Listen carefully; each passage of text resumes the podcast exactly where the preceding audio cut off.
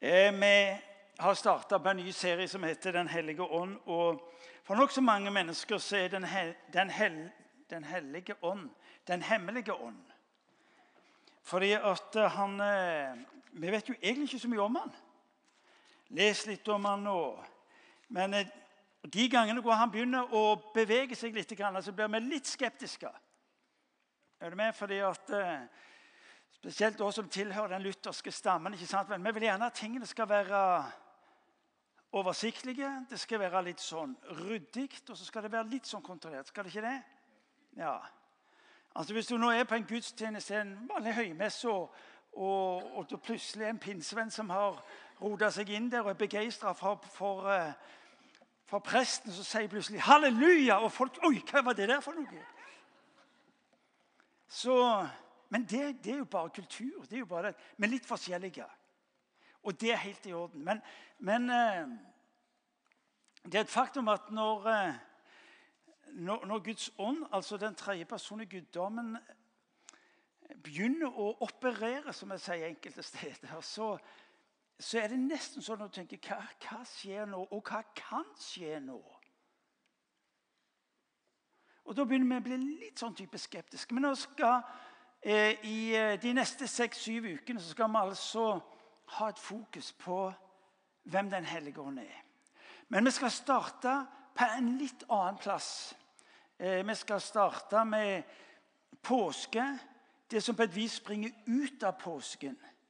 Men før vi gjør det, så vil jeg gjerne at dere skal um, se en liten videosnutt.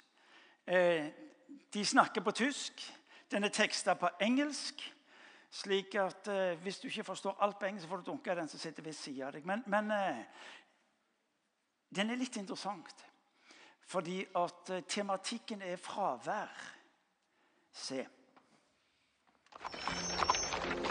Nun werde ich euch beweisen, dass Gott, wenn es ihn gibt, böse ist. Hat Gott alles, was existiert, erschaffen? Wenn Gott alles erschaffen hat, dann hat er auch das Böse geschaffen. Das bedeutet, Gott ist böse. Herr Professor, existiert Kälte? Was für eine Frage soll das sein? Natürlich existiert die Kälte. War euch noch nie kalt? Nein, in der Tat, Herr Professor, die Kälte existiert nicht. Nach den Gesetzen der Physik ist das, was wir als kalt empfinden, nur das Fehlen von Wärme. Und existiert Dunkelheit, Herr Professor? Selbstverständlich existiert sie. Nein, sie ist nur das Fehlen von Licht. Wir können das Licht messen, aber die Dunkelheit nicht. Das Böse existiert nicht, genau wie die Kälte und die Dunkelheit. Gott hat das Böse nicht geschaffen. Es ist das Ergebnis dessen, was Gottes Hand noch nicht berührt hat.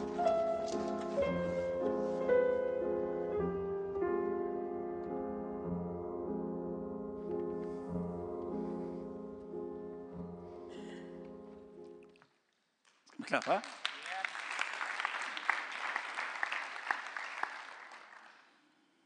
Fravær. Vi ser på en verden.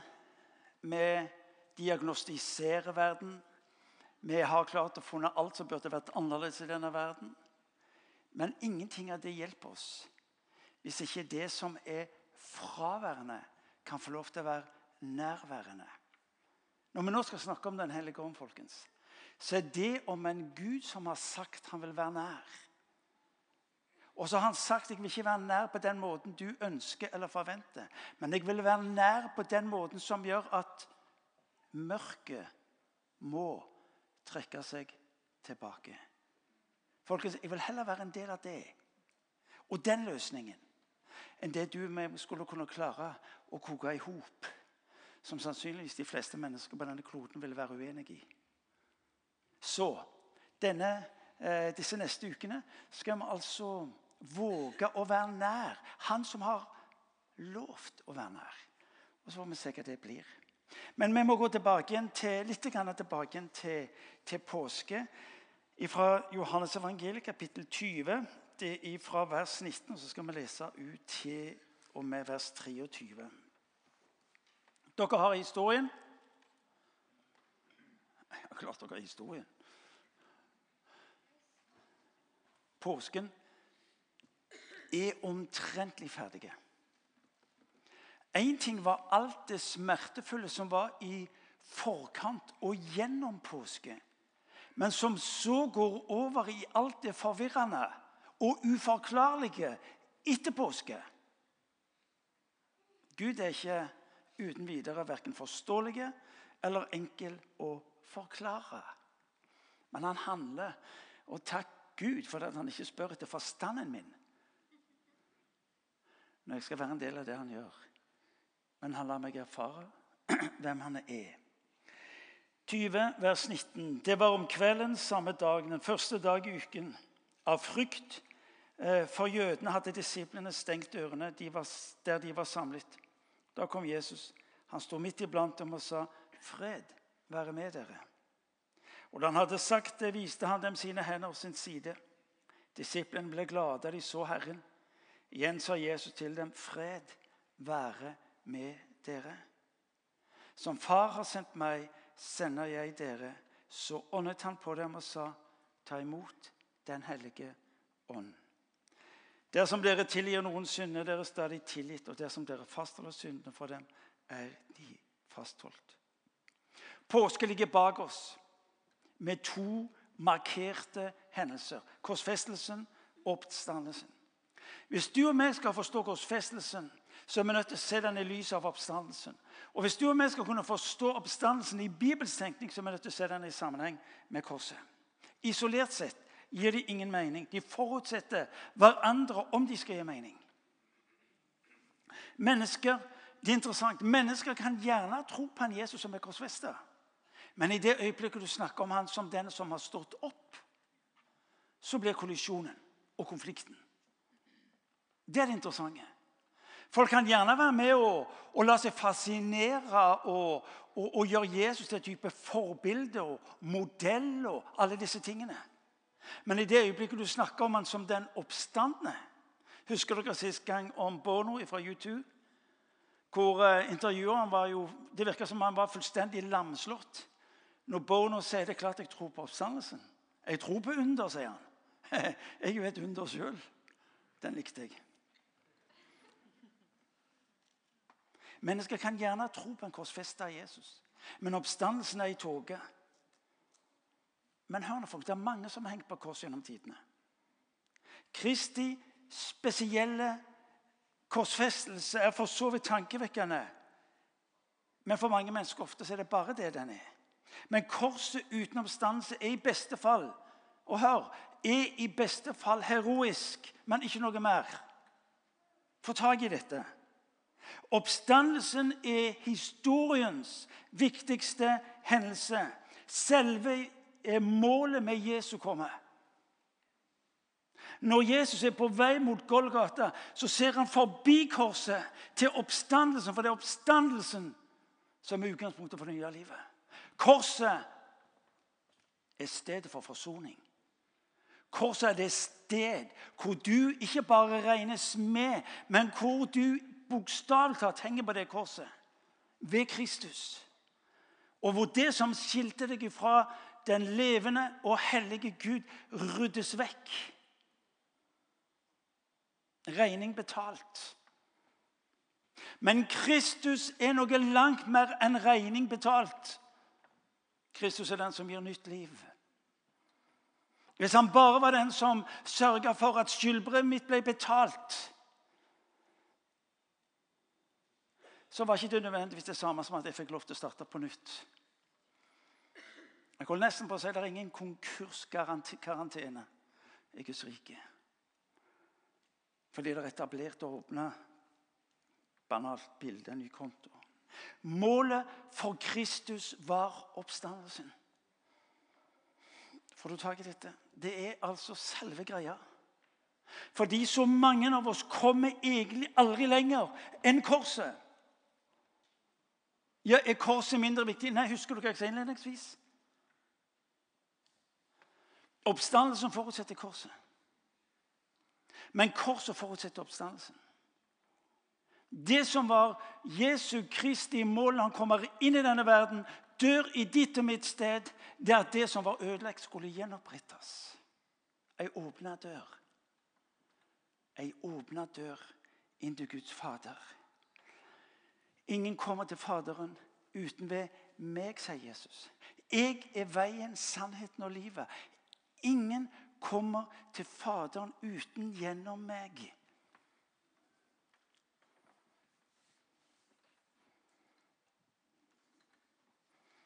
Oppstandelsen jeg, er historiens viktigste hendelse. Selve målet for alt det Jesus gjorde. Når du og meg skal snakke om det unike med Jesus, så vil vi ofte snakke om hans kjærlighet til mennesker. Og det er viktig nok. Vi vil snakke om helbredelsene, og vi vil snakke om undergjerningene. Vi vil snakke om hans død for våre synder. Men målet var oppstandelsen. Målet var oppstandelsen. Kristendom kokes i realiteten ned til én ting oppstandelsen. Når han kommer inn i denne verden, så har han ett mål oppstandelsen. Når han kommer inn i denne verden, så er det én ting han vandrer hver eneste dag for. Det å se oppstandelse blir en virkelighet. For det, det, ved oppstandelsen folkens, går døra opp til et Guds rike liv, til en fremtid, til en himmel. Som ikke tar utgangspunkt i hva du og meg presterer, men hva han har gjort. Det er evangeliet.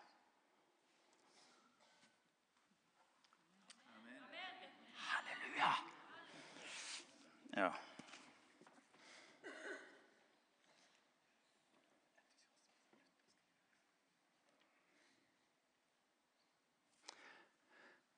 Hør nå. Døden er ikke slutten på livet. Ikke for noen av oss. Og det er det som treffer apostlene. Mennesket er nemlig et evighetsvesen. Døden er ikke slutten på livet for noen av oss. Mennesket er et evighetsvesen. Leve evig.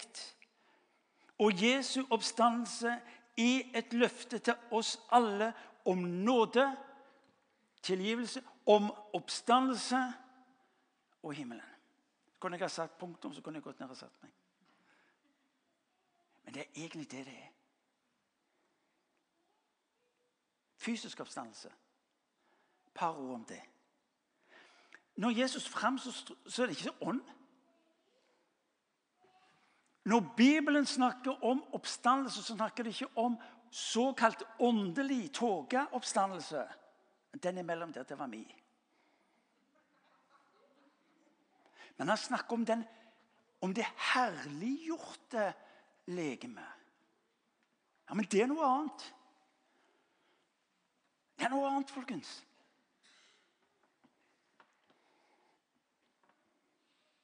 Det gjelder enten mennesker velger Jesus bort med fortapelse Kan du tenke noe så sprøtt? Å velge Jesus bort med fortapelse? Er dere med meg? Hvordan gjør jeg det? Hva sier jeg til Jesus. Så enkelt. Eller du velger himmelen med Jesus fysisk. Fordi det fysiske er faktisk viktig. Det fulgte urkirken gjennom hele dens historie. Bekjennelsen til, formidlingen av denne Kristus som var oppstått fra de døde. Nettopp forkynnelsen av bestandelsen går igjen gjennom hele apostlenes gjerninger. En gang til. Korset tilgir og bærer bort dine synder for alltid. Når du bekjenner dine synder, så er de borte. Kan du si 'borte'? Vekk.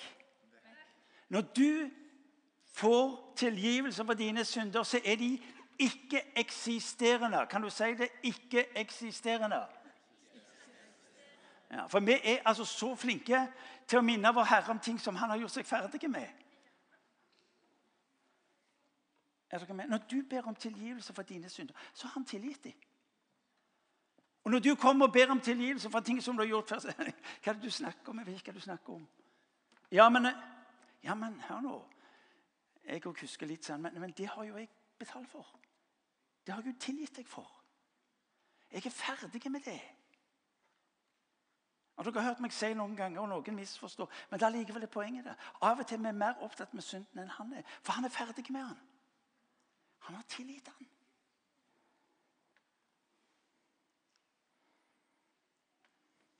Men det som blir problemet vårt, det er at hvis vi stopper ved korset og ikke får sjanse til å være en del av oppstandelsen og den sannheten, vet du hva, så blir vi egentlig bekjennere av vår egen elendighet istedenfor en bekjennelse til oppstandelsen og Han som er Kristus, nytt liv i Jesus Kristus. For dere tar i det?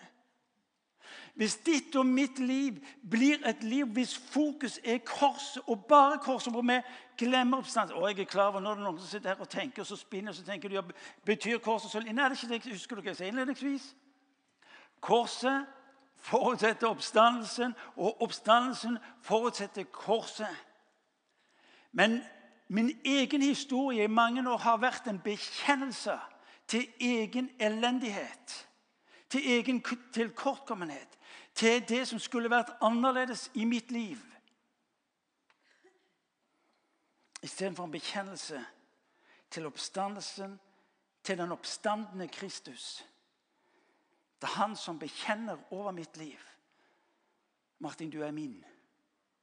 Du er min sønn. Du er min datter. Oppstandelsen er samfunnet med selve sammenføyningen med den levende Kristus. Når du og meg døpes Vi hadde en fantastisk dåp i dag til formiddag. Et vakkert barn, bl.a. mitt barnebarn, første barnebarn. Det var ikke meg som døpte han. Ja, fordi at jeg ikke døpte han.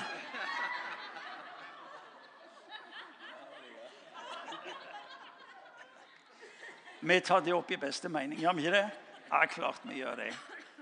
Men der har du den her berømte for Når vi døyper folk her i huset, så, så, har vi full neddykking. Det var nemlig det som var praksis i Ål kirke, og som fulgte kirka gjennom mange år. Men så ble det så kaldt her nå du, om vinteren at de kunne ikke døype dem. For da ble de syke, og så, og og så Mange unger strøk jo med. Men der ligger en enorm symbolikk når du tar ungene under vannet. For det står 'begravet med Kristus', 'oppreist med Kristus'. Her når du som er døpt i troen på Jesus Kristus, får lov til å bekjenne 'Jeg er begravd med Kristus, og jeg er oppreist med Kristus'. Jeg er altså begravd med Kristus gjennom det han gjorde på korset. Og så er jeg oppreist gjennom det jeg møter oppstandelsesmorgenen. Det er ikke dårlig. For det gir meg en ny start, et nytt liv, et nytt utgangspunkt. Og så møter han, og nå er vi i teksten Dette var bare innledningen. Nei, ikke Hva er det han møter disiplene med? Husk på, Hvem er det han møter? Det er en gjeng av tapere. Er dere enig i det? Alle sammen strøyk, alle var feige. De var han sa? De var både kyllinger og puddinger. Alt er er. Og jeg må si at Hvis det var meg som hadde hatt regien på det der, så hadde jeg sørga i hvert fall innledningsvis og gitt dem en sånn skikkelig sånn en. Kom an, gutter. Dette var altså bånn. Og så hadde jeg gitt dem alt jeg mente var rettferdig. For det hadde jo vært rettferdig, hadde det ikke det? Du, Peter, sånn som du banna. Jeg, jeg, jeg, jeg, hørte det. Ja. Og dere som sprang. Og jeg var igjen alene. Han kunne ha tatt dem. Men hva er det han møter dem med? Han møter dem med shalom. Han møter dem med fred. Vet du, Den Jesus som jeg tror på, møter deg og meg i våre nederlag med sitt shalom. For hvis ikke du og meg får lov til å bli møtt med shalom, våger vi heller ikke å starte på nytt. Og så er det interessant, Han gjentar det to ganger. Fred være med dere. Fred være med deg. Når Kristus møter denne gjengen av tapere av folk som var høye i bekjennelsen, som hadde vært med han i tre år og lært det mest unike som noen mennesker kunne eh, få lært, blitt opplært i, så presterer de og vender ryggen. Men når han treffer dem igjen, så møter han dem med fred. Vet du hva? Det er den Kristus du og meg får lov til å bekjenne oss til. Han møter deg med, Uansett hvor du er, så møter han deg med sin fred. Du ser på ditt liv og du tenker ja, men jeg skulle ha gjort det. Sånn, ja, det er mulig, det. Men du skal vite min fred møter deg der du er. Og, og det er noe her som er uhyre interessant for oss. For, for, for av og til er vi så løsningsorienterte. Av og til er vi så opptatt med at vi, vi må komme ut av og, og vi må se forandring. Og, men det jeg ser når jeg leser Guds ord, at Gud er ikke alltid så veldig opptatt med å skulle endre situasjonene uten at han er opptatt med å få lov til å være nær i situasjonen. Ja, Men det er gyselig viktig, det. Fordi vi lever fremdeles i denne verden. Fred. Vær med deg. Kanskje er du her når du tenker Enten har du virkelig rota det til for deg, Kanskje har du gjort ting som du tenker Hvorfor gjorde jeg det? Kanskje gikk du inn i relasjoner allianser. Hvorfor i all verden gjorde jeg det? Og så kommer fordømmelsen, og så kommer det klamme som på et vis binder deg og lammer deg. Og så er det noe som dør. Fred lyder hans ord på din situasjon. Han kunne ha sagt OK, line opp. Nå får dere bekjenne for meg syndene deres. Nå får dere sette navn på det som var svakheten. Han kunne ha kommet til dem med krav om bekjennelse og omvendelse. Men han møter dem der de er, med sin fred. Det er den Kristus som du og meg er døpt til, som vi får lov til å tro på, og som vi får lov til å henge sammen med. Han møter dem altså påskedag med fred være med dere. Han møter de altså der hvor de er, ikke der hvor de burde være. Sånn er den Kristus som du og meg får tro på og tilbe. Og så skjer det noe som er uhyre interessant. Dette må du få med. For nå skulle jeg nesten tro at han ville være opptatt med å dvele med det som skjedde på korset. Skulle nesten trodd han hadde vært opptatt med å ta dem inn i det han hadde sagt til dem. Slik at de på vis kunne få nærkontakt både med sagt, nederlaget og, og det som var planene han hadde for dem. Istedenfor så lyder det et ord til ham. Som Faderen har sendt meg, sender jeg dere. Og nå inntreder en dynamikk som folk veldig ofte glemmer.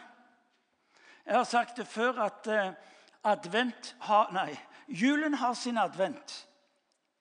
Og påske har sin fastetid. Mens pinsen der er det et eneste stort, svært, svart hull. Hvor det er mest spørsmål og mye forvirring. Vet du hva som jeg tror skjedde i tida mellom påske og Kristi himmelfartsdag 40 dager, og mellom himmelfartsdag og pinse 10 dager, altså 50 dager, det var at Jesus tar dem inn i det som var hans beveggrunn for å komme til denne verden. Som Faderen har sendt meg. Hvorfor har Faderen sendt han? For denne verden skal erfare at Gud er god. Hvorfor har Faderen sendt han? Jo, fordi at denne verden skal forstå at Gud har en fremtid, en hensikt med dem.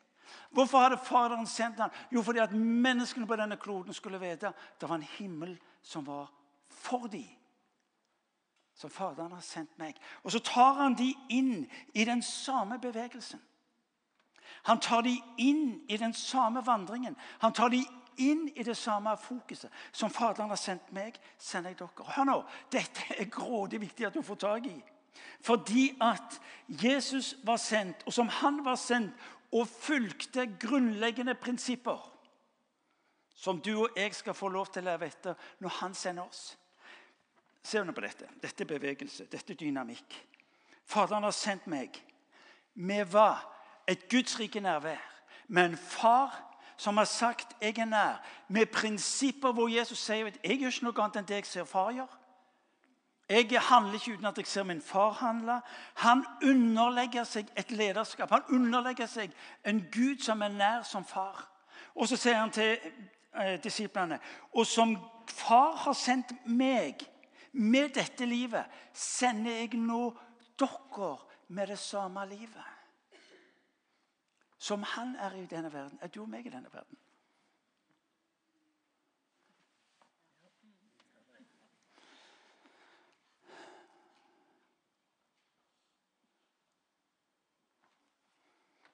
Kan du gi meg den posen? Ikke den, nei. Den der borte, oppi den koppen. Oppå stolen. Sånn, ja. Thank you. Thank you.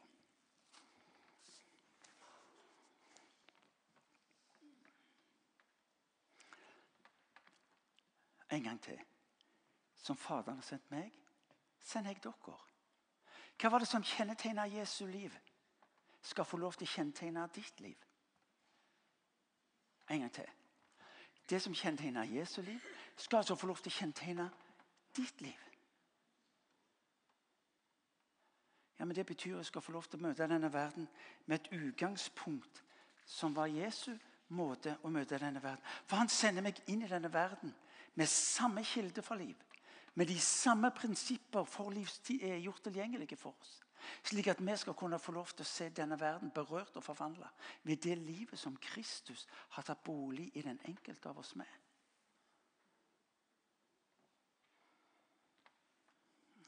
Jeg er nødt til å Ser dere det? Det er klart du gjør ikke det. Noen sier smuler, men det er faktisk frø.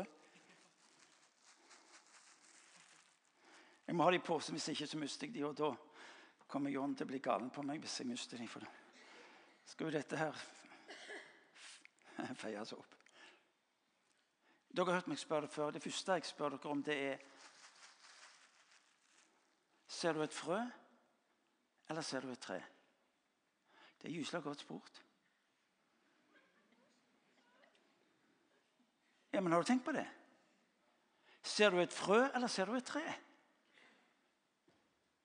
Ja, Noen sier nei, jeg ser ikke et tre, jeg ser en skog. Ja, Da har de virkelig fått tak på det. Andre ser en fabrikk som produserer. Og så er dere med i bildet. Når Jesus ser på disse tolv som er samla i denne salen, som vi har lest om, så kan du si ja, kommer han. Litt seinere sier han til dem, ut og ta verden'. Og du og tenker ja, Kom an. Vet du hvorfor? Fordi at du ser frø. Han så treet. Han så ikke historien til disse. Han så ikke svakhetene til disse. Han så ikke alt det som skulle vært annerledes hos disse. Han så treet. Når Kristus ser på ditt liv og mitt liv, hva er det han ser for noe? Han ser treet. Han ser det han vil gjøre i ditt og mitt liv. Vet du hva? Ja, Hvordan er det mulig? Ja, det må stelles med. Hjemme i ja, Disse forresten, de ligger på kontoret mitt. Det er altså sennepsfrø. Er du klar over at det er det minste av frøet og gir det største av treet? Ikke sånn typisk tre, men av hagevekster. Men jeg har hjemme i, i, i kjelleren meg, i, så har jeg eske med plenfrø. Jeg har hatt den i ti år. Ti år! Og ikke et eneste et av de frøene som er blitt grønt. Har du tenkt på det? Ja, hvorfor har de blitt grønt? Ja. Hvorfor har det ikke blitt grønt? Ah, har ikke vann, har ikke blitt gjødsla, har ikke blitt berørt, har ikke blitt planta i omgivelser som gjør at det er noe som leves ut. Hva jeg forsøker å si til dere? Jeg forsøker å si til dere at du og meg er sendt inn i denne verden med de samme livsvilkår og eh, forutsetninger som Kristus, Jesus. Men det han gir deg, hører du, det må du få lov til å få vekstvilkår. Det er det vi skal snakke om. Det er derfor Den hellige ånd kommer. For å ta oss inn i et liv, i en vandring, hvor han kan få lov til å stelle med det Kristus har lagt ned i den enkeltes liv. Så står det på slutten av dette verset at han åndet på dem. Og så sier han 'ta imot Den hellige ånd'. Jeg skal komme mer tilbake til dette senere, men nå må vi begynne å Ja, jeg får se om jeg slutter.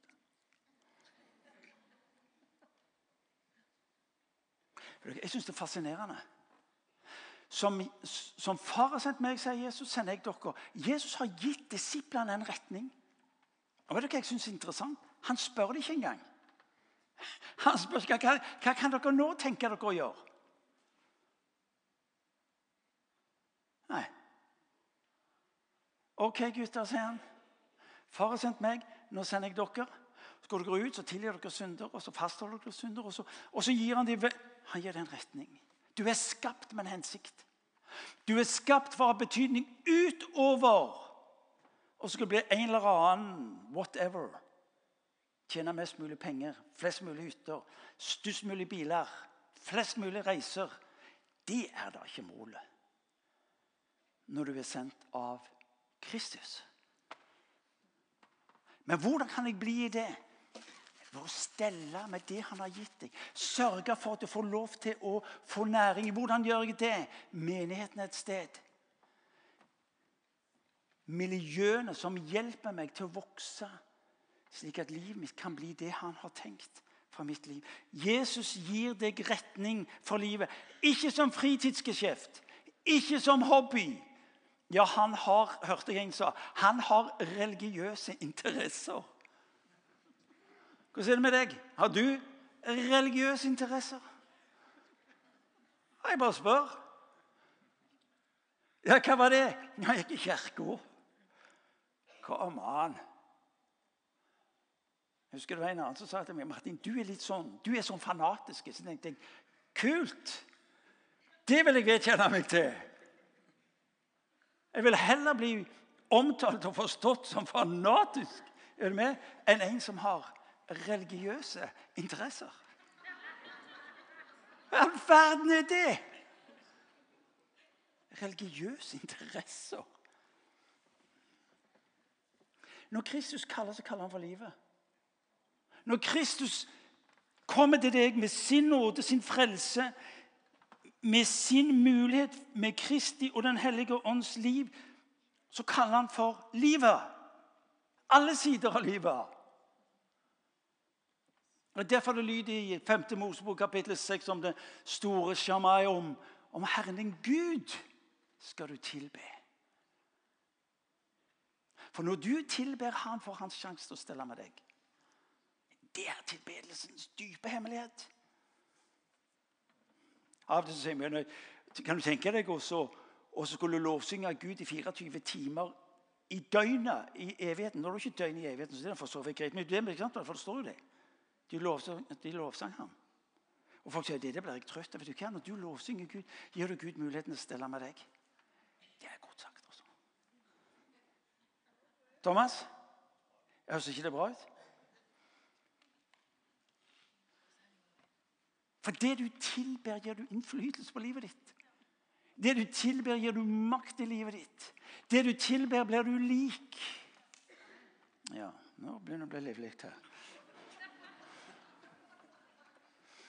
Motta Den hellige ånd. Motta Den hellige ånd. Det er det han sier til dem. Og det er det vi skal Dette svære hullet er du med? Dette svære hullet som vi har mellom påske og pinse, det ønsker vi å fylle opp. Ved at vi ønsker, Jesus, Hva var det du sa til dem? Hva var det du gjorde med dem i de 40 dagene? I de 10 dagene hvor du var Hva var det som Det er vandringen må nå, folkens. Vet Du hva? Du må komme på hver eneste gudstjeneste. For hva er det vi skal gjøre? Vi skal sørge for å vanne. Vi skal sørge for å gjødsle. Vi skal sørge for at det du har fått, skal få lov til å få spire. Enda bedre spirevilkår i livet ditt. Ja. Det er til og med kommende her. altså så. Jesus har kommet ut av grava. Nettopp kommet ut av grava. Han har ett fokus. Det er nesten som han sier, det er litt vulgært sagt, men det er nesten som han sier opprydningsarbeidet er ferdig, gutter. Nå, nå begynner vi. Og denne verden skal erfare at jeg er Gud, og at jeg er god. Døra er åpen. Du og meg inviteres til å gå igjennom den med et liv som han ønsker å, for, um, å, å stelle med i ditt og mitt liv. Når du lar oppstandelsen være utgangspunktet for livet ditt, så setter du standard for resten av livet ditt ved at det han rekker deg, eh, blir det som forvandler livet ditt. Alle andre gjennombrudd kommer ifra dette gjennombruddet. Jesus før påske hadde han korset som fokus. Etter påske er det verden han har som fokus. Poenget er ikke disiplene, men han som sender dem. Disiplene kunne begynt å argumentere og si vent litt hele verden. Er du klar over hva du snakker om? Og han sier jeg vet hva jeg snakker om, for det er ikke dere det gjelder. handler om det er meg. Du visste alt om meg før du meg kalte, sang noen av oss i den gamle bedehussangen. Han sender deg. Han sender deg. Som Faderen har sendt meg, sender jeg dere. Han har behag i. Han gir deg ressursene. Han eh, lar deg smake på frukten og følgene av det han gjør i livet ditt.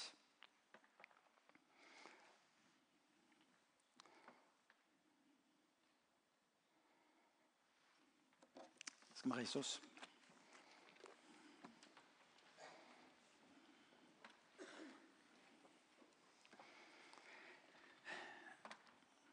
Når du leser om Den hellige ånd, så fremtrer han som den som skal ta av mitt, sier Jesus, og gi til dere.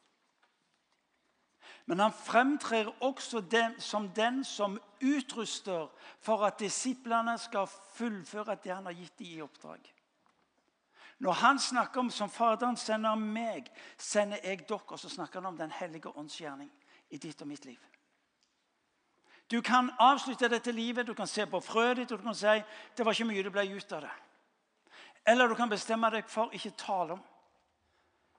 Jeg skal sørge for at det frøet som han har lagt ned i meg, ved at han har tatt bolig i mitt liv, det vil jeg sørge for for det det trenger for å bli et maksimalt liv.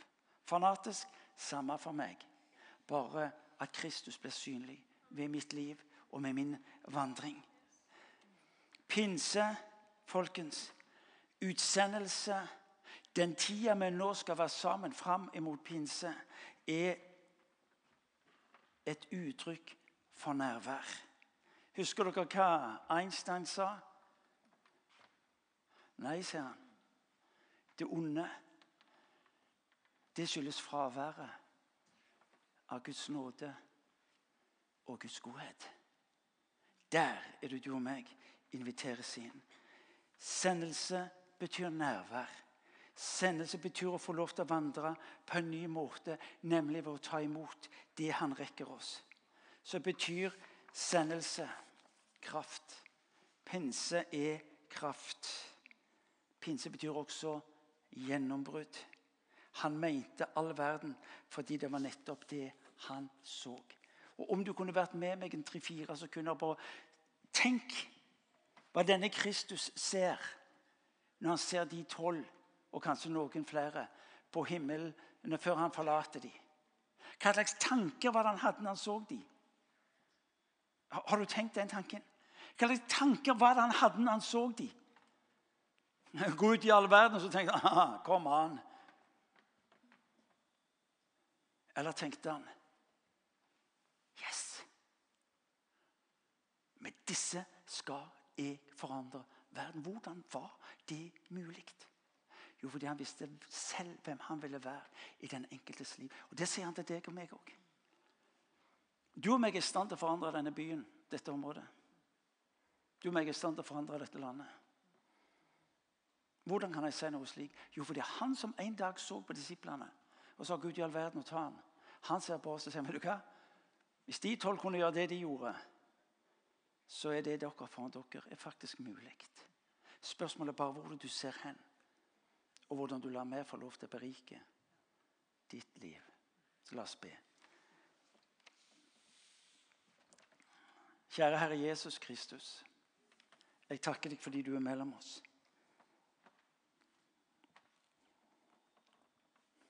Far, du kjenner vårt liv. Du vet hvem vi er. En dag så står du midt mellom dine nærmeste venner som hadde svikta deg noe så voldsomt. Og du møter dem med fred. Far, jeg ber nå for oss som er her inne, at du skal møte oss med ditt shalom. Far, jeg ber du skal komme, du, du skal komme til den enkelte av oss, Herre. Du ser livene våre. Du ser de som har hatt det godt, og alt har gått så bra. Men du ser også de som opplever nederlagene, skuffelsene, de ubesvarte. Herre, du ser våre ulike historier. og Nå ber jeg om at du ved din ånd, som er fredens ånd, skal komme til den enkelte. Jeg ber Gud, kom til oss med din ånd. For jeg uttaler i ditt sted, ditt shalom, over oss som er her nå. Jeg ber du som er i salen nå, du som ser på dette på TV, jeg ber du skal, jeg ber du skal bare gi det plass i livet. Ta imot det. Du kan bare bekjenne Jesus. Jeg tar imot ditt shalom. Jeg tar imot ditt shalom. Hvor utgangspunktet ikke er om det var vellykka liv, om du hadde gjort de rette tingene, men at han kunne få lov til å være der midt mellom dere eller i ditt, midt i ditt liv. Så er han der med sitt shalom. Og der han er med sitt shalom, der bygger han en ny vei. Så kom Helligånd.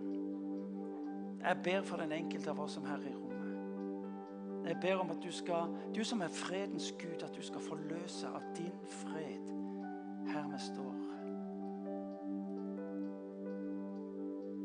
Kom, Helligånd. Kom, Helligånd.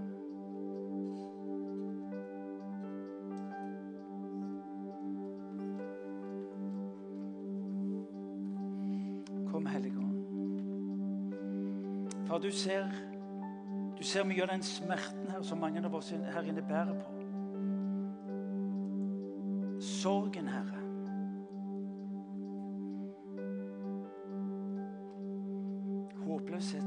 Du skal komme til dem med, med din fred. Som du talte fred, Herre. Ta deg fred, Herre, inn i hjertene til den enkelte av oss som er nå. Kom, Hellige Ånd. Bare ber om din fred.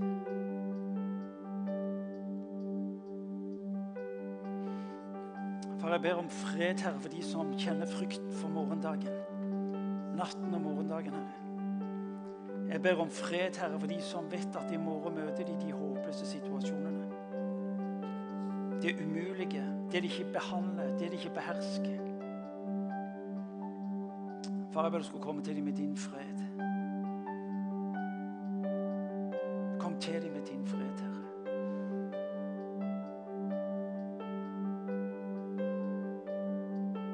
Så ber jeg, far, som du sier i ditt ord, når sier at vi skal sette vår vei i din hånd, så sier du at som Faderen har utsendt meg, så, sender du oss.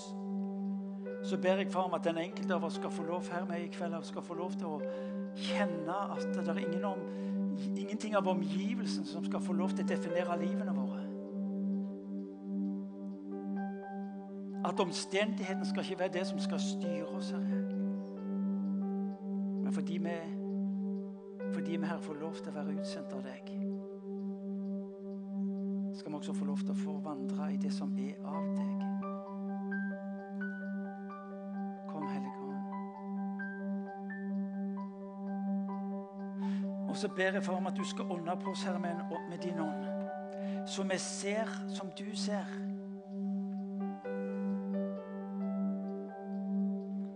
Slik at vi forstår situasjonen som du forstår dem. Slik at vi kan handle de her slik som vi kjenner du minner oss om å handle. Far, jeg, ånder på dem i ditt navn. Ved ordet som er lytt, ved ditt nærvær.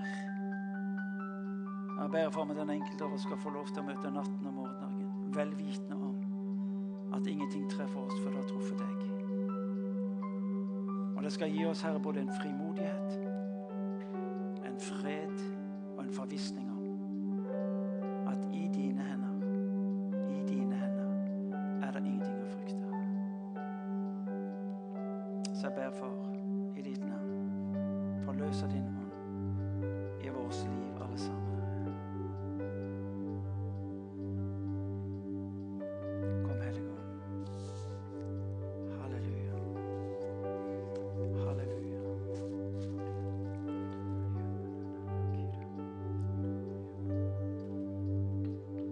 Bare ta imot der du står.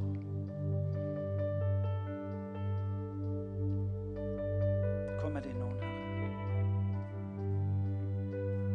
Jeg opplever som om Gud sier du Du skal slippe å sette din lit til alt det du skal gjøre, mot det å skulle få lov til å sette din lit til det du mottar. Styrken i ditt liv er ikke hva du kan, men hva du mottar fra Han.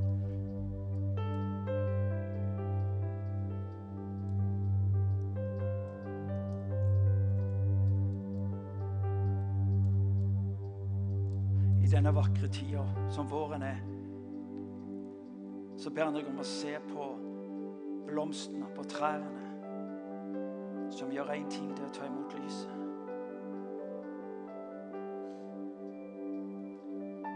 Og ved det springer det vakre fram. En frukt av dine henders gjerninger.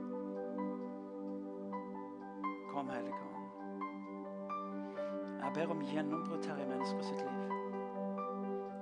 Mennesker som hadde parkert i sine rom,